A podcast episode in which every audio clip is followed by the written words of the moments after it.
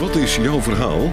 Dit is een podcast over dyslexie en aanverwante fenomenen zoals dyscalculie, ADHD, ADD, autisme en hoogbegaafdheid en over het conceptuele denken dat eigen is aan deze mensen. De podcast wordt gepresenteerd door Sean Verhoeven van Dynamica. Zij is coach en trainer voor volwassenen met dyslexie en aanverwante fenomenen. Ze gaat ervan uit dat mensen met deze fenomenen allemaal conceptuele denkers zijn. Als je dat weet en weet hoe dit denken werkt, is het mogelijk om een gemakkelijker en succesvoller leven te hebben en effectiever te kunnen functioneren in je studie of je werk. In deze podcast gaat ze in gesprek met mensen die hun eigen verhaal willen vertellen. Een verhaal dat gaat over labels, een andere manier van denken, hun tegenslagen, de voordelen van het conceptuele denken en hun succesverhalen. Jean Verhoeven spreekt uit eigen ervaring. Ze heeft zelf dyscalculie, dyslexie en ADHD.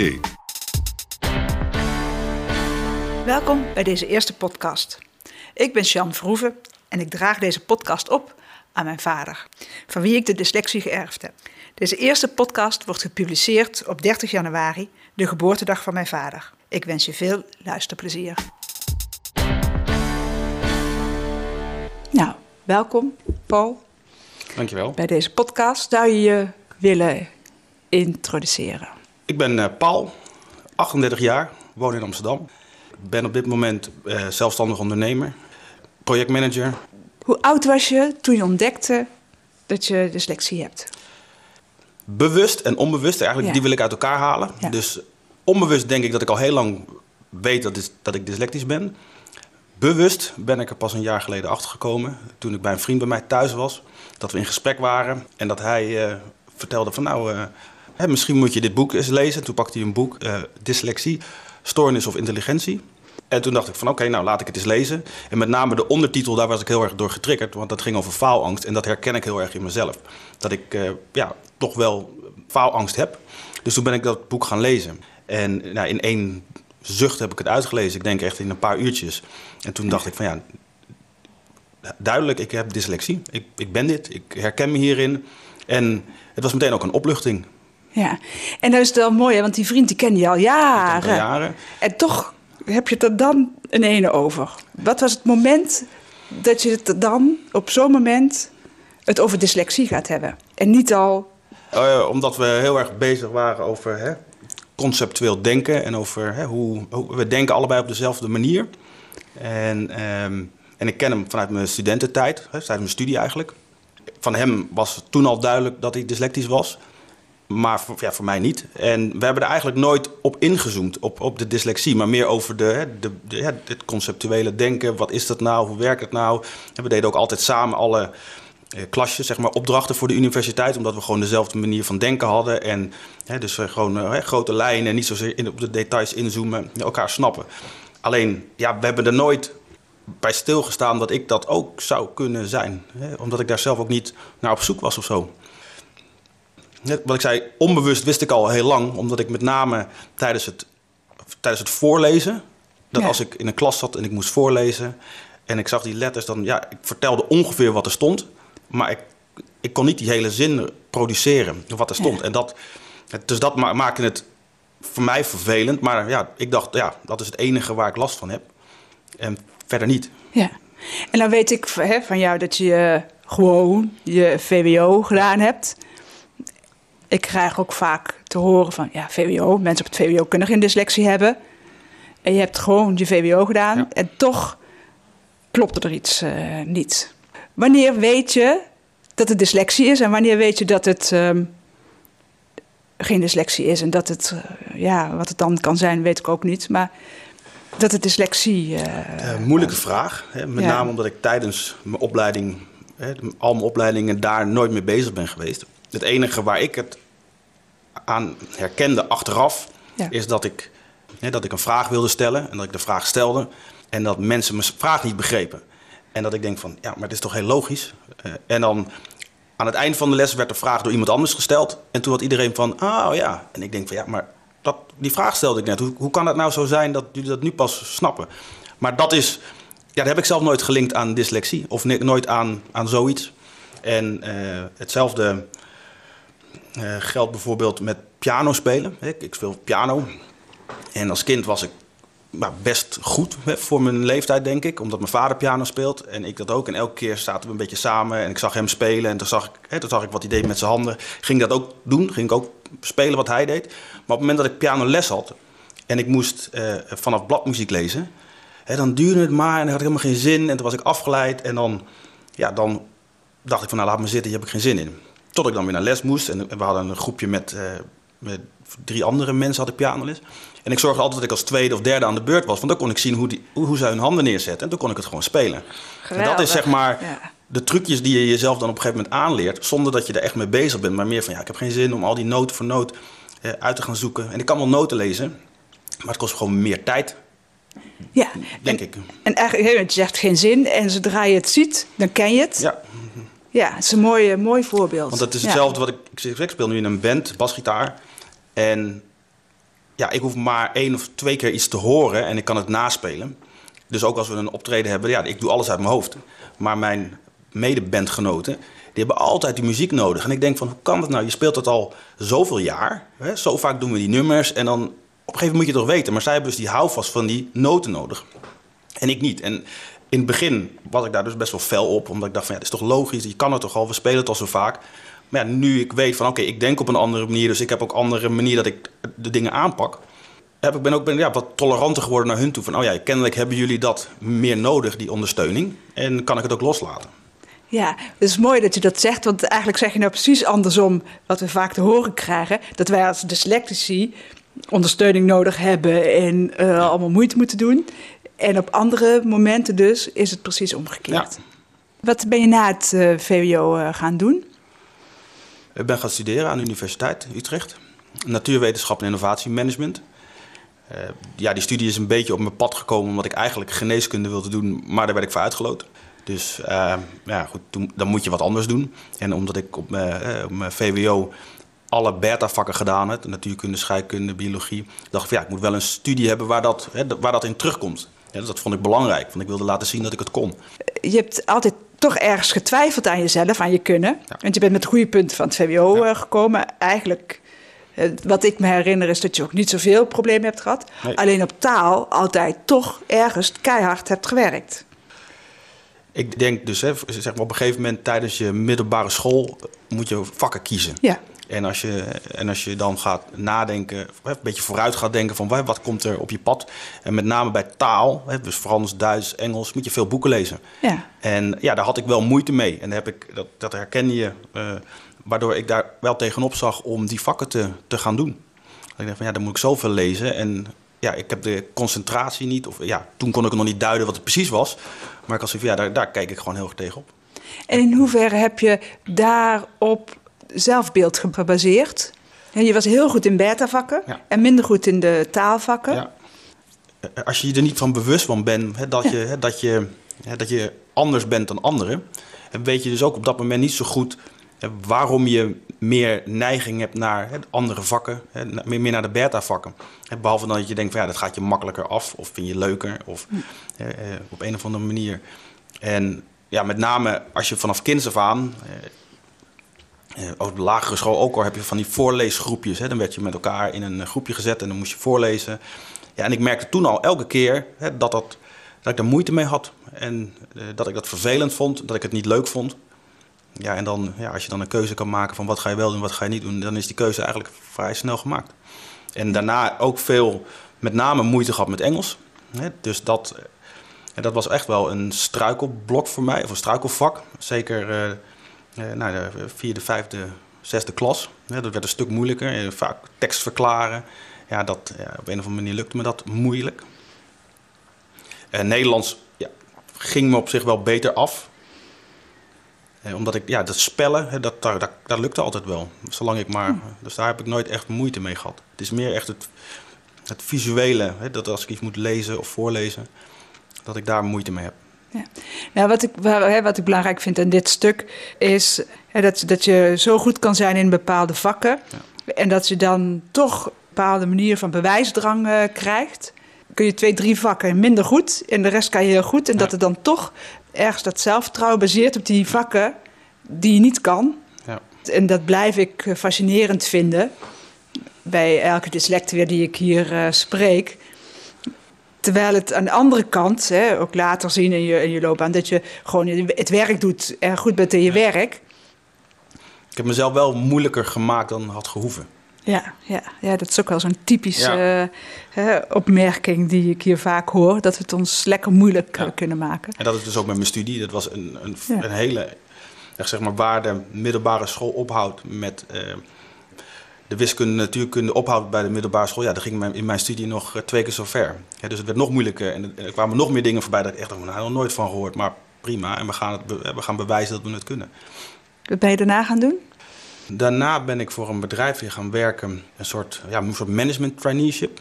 En dat was een bedrijfje waar je twee, tweeënhalf jaar mocht blijven. En dat je in die periode veel verschillende opleidingen kreeg, maar ook bij verschillende bedrijven opdrachten ging doen. Dus niet alleen bij het bedrijf zelf, maar bijvoorbeeld heb ik gewerkt bij de Rabobank, bij Nuon, bij GVB. En dat zijn allemaal bedrijven waar ik ongeveer een half jaar lang opdrachten heb gedaan.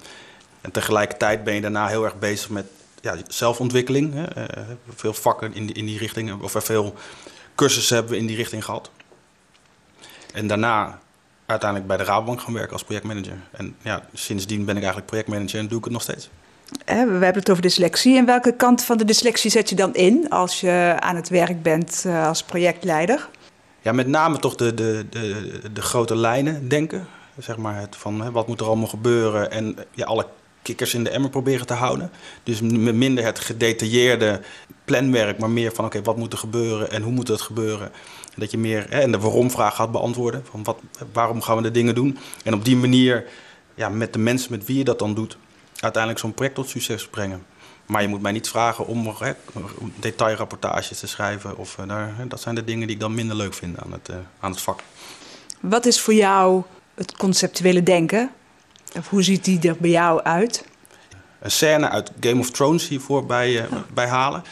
Dus misschien spoiler alert voor de mensen die dat nog niet weten. Maar in, in het laatste seizoen, waarbij ik dacht van... hé, hey, dit, is, dit is voor mij hetgeen wat wel in de buurt komt van, ja, van het conceptuele denken. En op een gegeven moment is de prinses Sansa Stark in gesprek met een van haar adviseurs.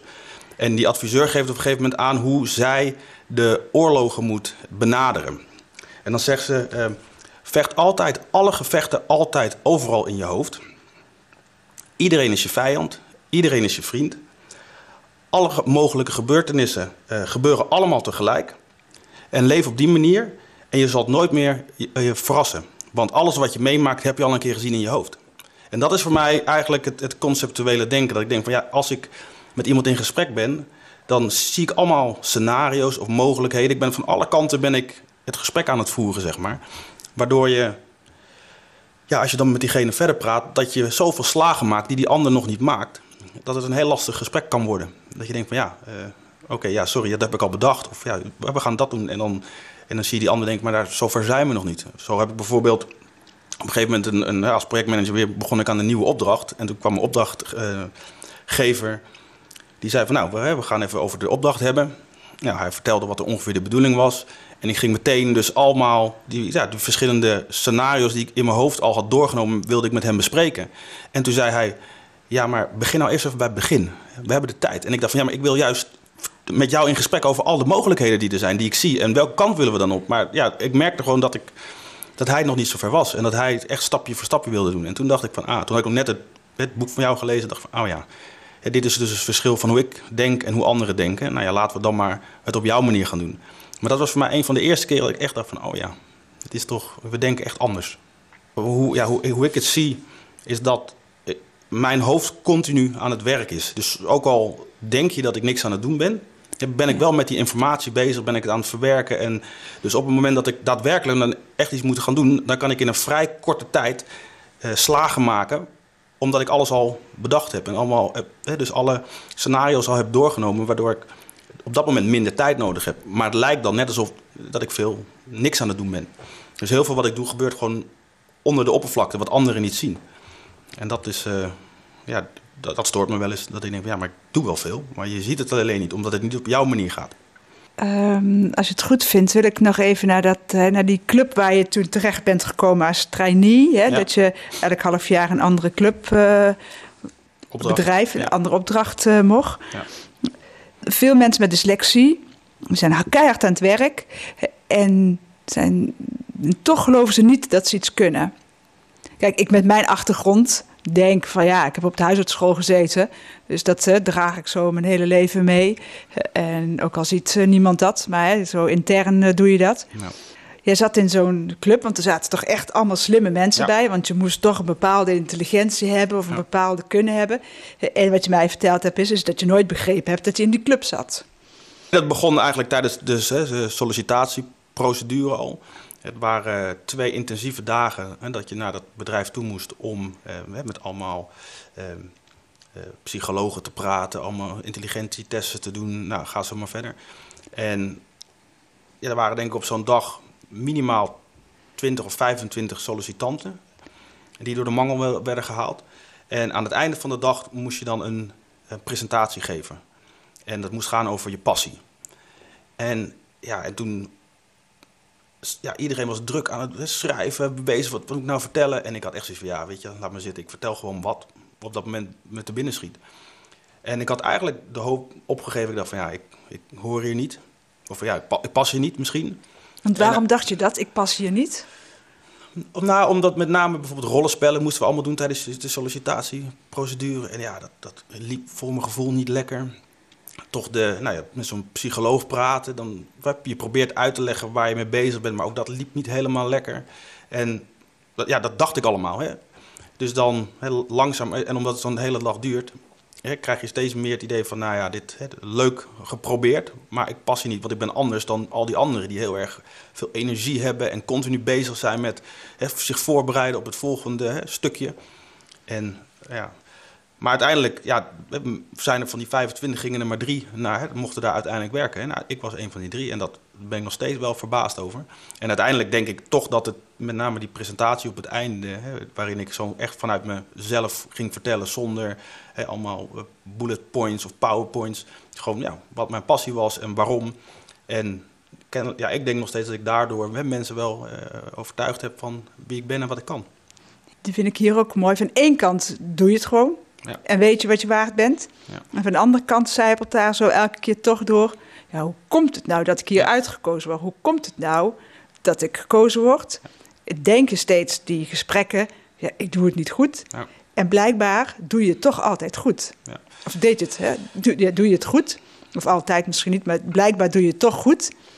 En dat dat samen, eigenlijk de hele tijd samen meeloopt. Ja, het is een soort combinatie van ja, faalangst en prestatiedrang. De, het mechanisme wat je uiteindelijk voor jezelf hebt ontwikkeld, en wat bij mij nog steeds zo werkt, is van: ik weet dat ik dingen moet doen, maar ik, ja, ik stel het uit tot het laatste moment, omdat het dan echt moet. En tot die tijd eh, ben ik altijd bezig van: het kan beter, of het kan nog mooier, of het is nog niet goed genoeg. En ja, op een gegeven moment komt er een moment dat je het echt moet inleveren of moet doen. Dan doe je het wel. En dan blijkt dus dat dat voldoende is en dat iedereen het goed vindt en dat iedereen tevreden is. Maar voor jezelf is dat ja, een constante strijd. Omdat je altijd denkt van het kan beter of ik heb niet goed, uh, ik ben nog wat vergeten of ik ben, nog, ja, ik ben er nog niet klaar mee. Dat is dus ook in dit soort situaties uh, waarschijnlijk, ja, als het eenmaal moet, ja, dan sta je er wel, dan doe je het wel en dan ga je ervoor. En dan blijkt dat de verwachting, hè, dat de verwachting die jij voor jezelf hebt, dat die hè, veel hoger is dan wat mensen ja, om je heen van je verwachten. En dat is elke keer weer een, een, een, ja, toch weer een verbazing. Dat ik denk van, oh ja, heb ik mezelf weer zo moeilijk gemaakt. Terwijl het met de helft van de energie of de helft van de, van de tijd ook wel gekund had. En dat het dan ook nog al goed was. Maar ja. Als je hè, zo terugkijkend, wat zou dan tips hebben voor studenten? Wat, voor, wat de tip die ik zou geven aan studenten of scholieren, is dat als je het gevoel krijgt dat de ja, je manier van leren niet hetzelfde is als de mensen om je heen, dat je daar dan toch eens wat dieper een onderzoek naar gaat doen. Om eens te kijken van, joh, waar ligt het dan aan? En wat werkt voor mij wel en wat werkt voor mij niet? Uh, wat ik bijvoorbeeld heb gedaan, is continu tijdens je studie moet je veel aantekeningen maken. En, en dan elke keer dacht ik van, ja, wat is nou mijn manier van aantekeningen maken? Elke keer deed ik op de manier van hoe ik het iedereen zag doen. Hè? Gewoon lange zinnen schrijven, teksten schrijven. En nou, dat ging ik ook maar doen. Maar dat, dat werkte voor mij gewoon niet, die manier. En nu, nou, bijvoorbeeld dat mindmappen, dat is iets wat ik, dat ook op mijn pad is gekomen. Maar veel makkelijker werk. Gewoon korte woorden, hè, tekeningetjes. Wat maakt voor jou dat het mindmappen werkt? Je tekst beeldend maken of zo. Je kan met, met, met hele simpele uh, tekeningetjes of pijltjes of woorden toch een heel complex verhaal uh, samenvatten. En als je dat probeert te doen met, met woorden, dan ben ik een half pagina bezig om het op te schrijven. Terwijl met mindmap kan je gewoon zeggen, nou, drie, hè, drie streepjes, drie woorden, hè, wat verbanden ertussen. En dat onthoud ik dan op die manier beter. Hoe kan je het dan daarna ook verwoorden? Ja, beter. Omdat ik dan niet vastzit aan de, aan de volgorde van hoe je het zou moeten vertellen. Het is hetzelfde eh, wat ik net gaf als, je een, als, ik, als ik een presentatie moet geven en er staat een, een PowerPoint met, met bullets dan raak ik zenuwachtig. Omdat ik dan het gevoel heb dat ik moet vertellen op de manier waarop het staat op papier. En hoe het voor de, op, de, op, de, op, de, op de wand staat of de televisie. Maar als ik me vrij mijn verhaal mag vertellen zonder hè, die, die kaders, dan gaat het veel makkelijker. En dan komt alles een keer langs en dan is het wel een totaalverhaal, maar dan voel ik me veel vrijer.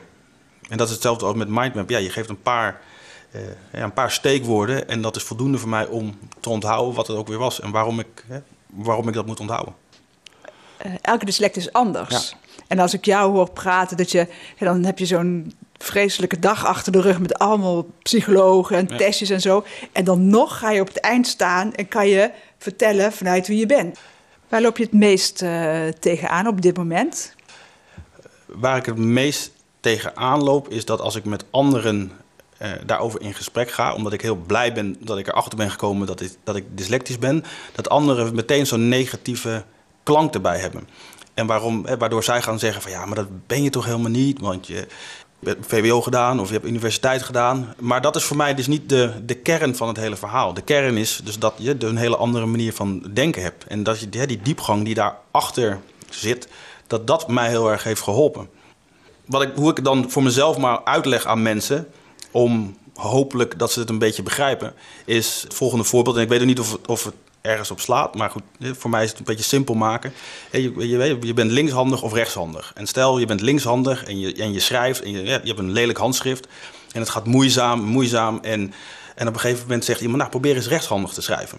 En je gaat rechtshandig schrijven, het blijft nog steeds heel lelijk, het is nog steeds niet leesbaar. Maar voor jezelf denk je van, ja, maar dit gaat veel makkelijker.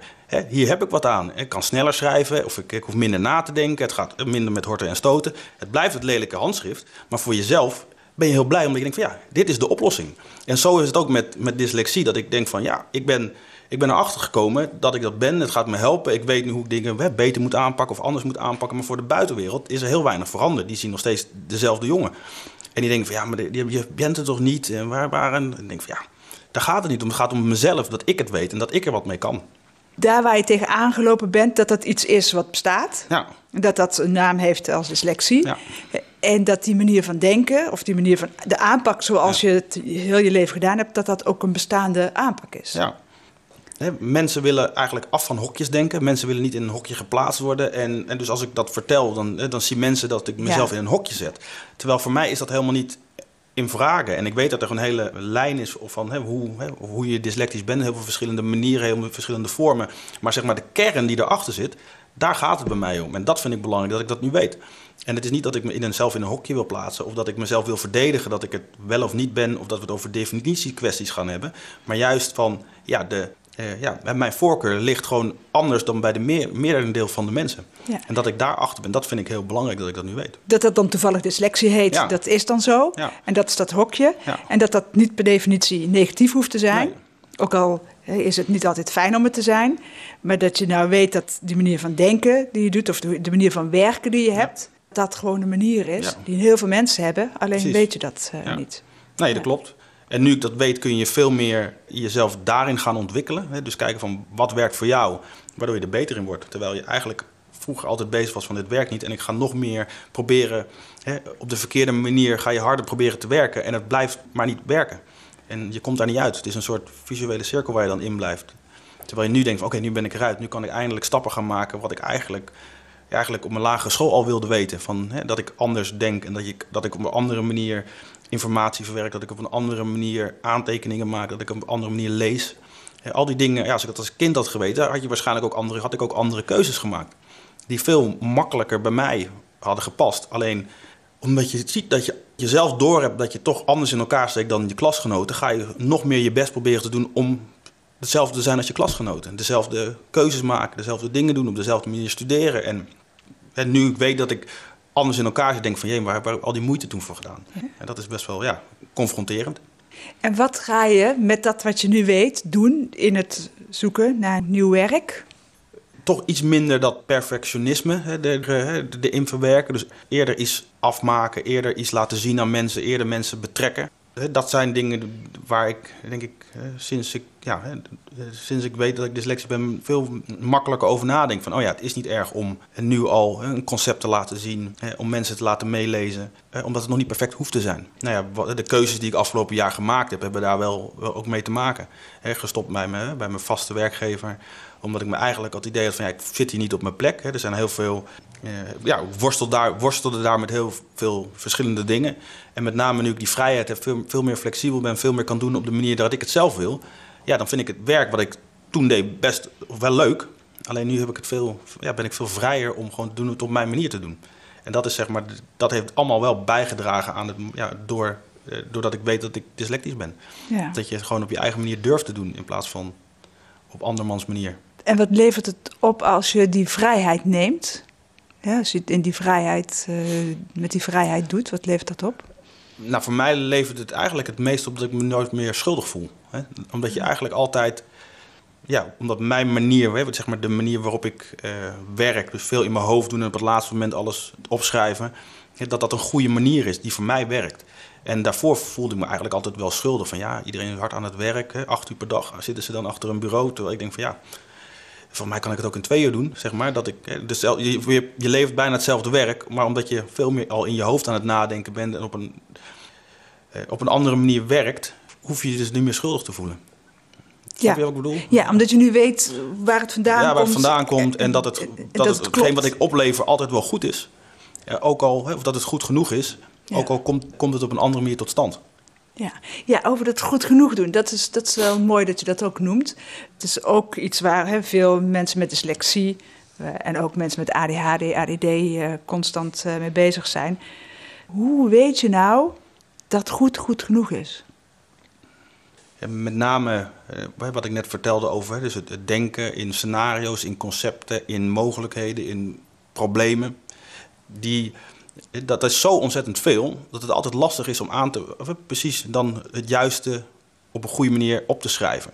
En ik denk dat ja, met name de hè, mensen die, dat, die daar misschien de lijndenkers, ik weet niet of dat uh, mensen die op een andere mensen, da, die, die, die veel meer stapsgewijs mensen. bezig zijn, die, en eerder dus ook resultaat zien op papier, dat ze eerder denken van, oh, dit is eigenlijk precies hoe het moet zijn, en dan verder kunnen. Terwijl bij mij het ja, zoveel is dat ik altijd denk, ja, ik moet dat allemaal wel op papier zien te krijgen. En dat kost tijd, of daar ben je lang mee bezig en dat duurt lang.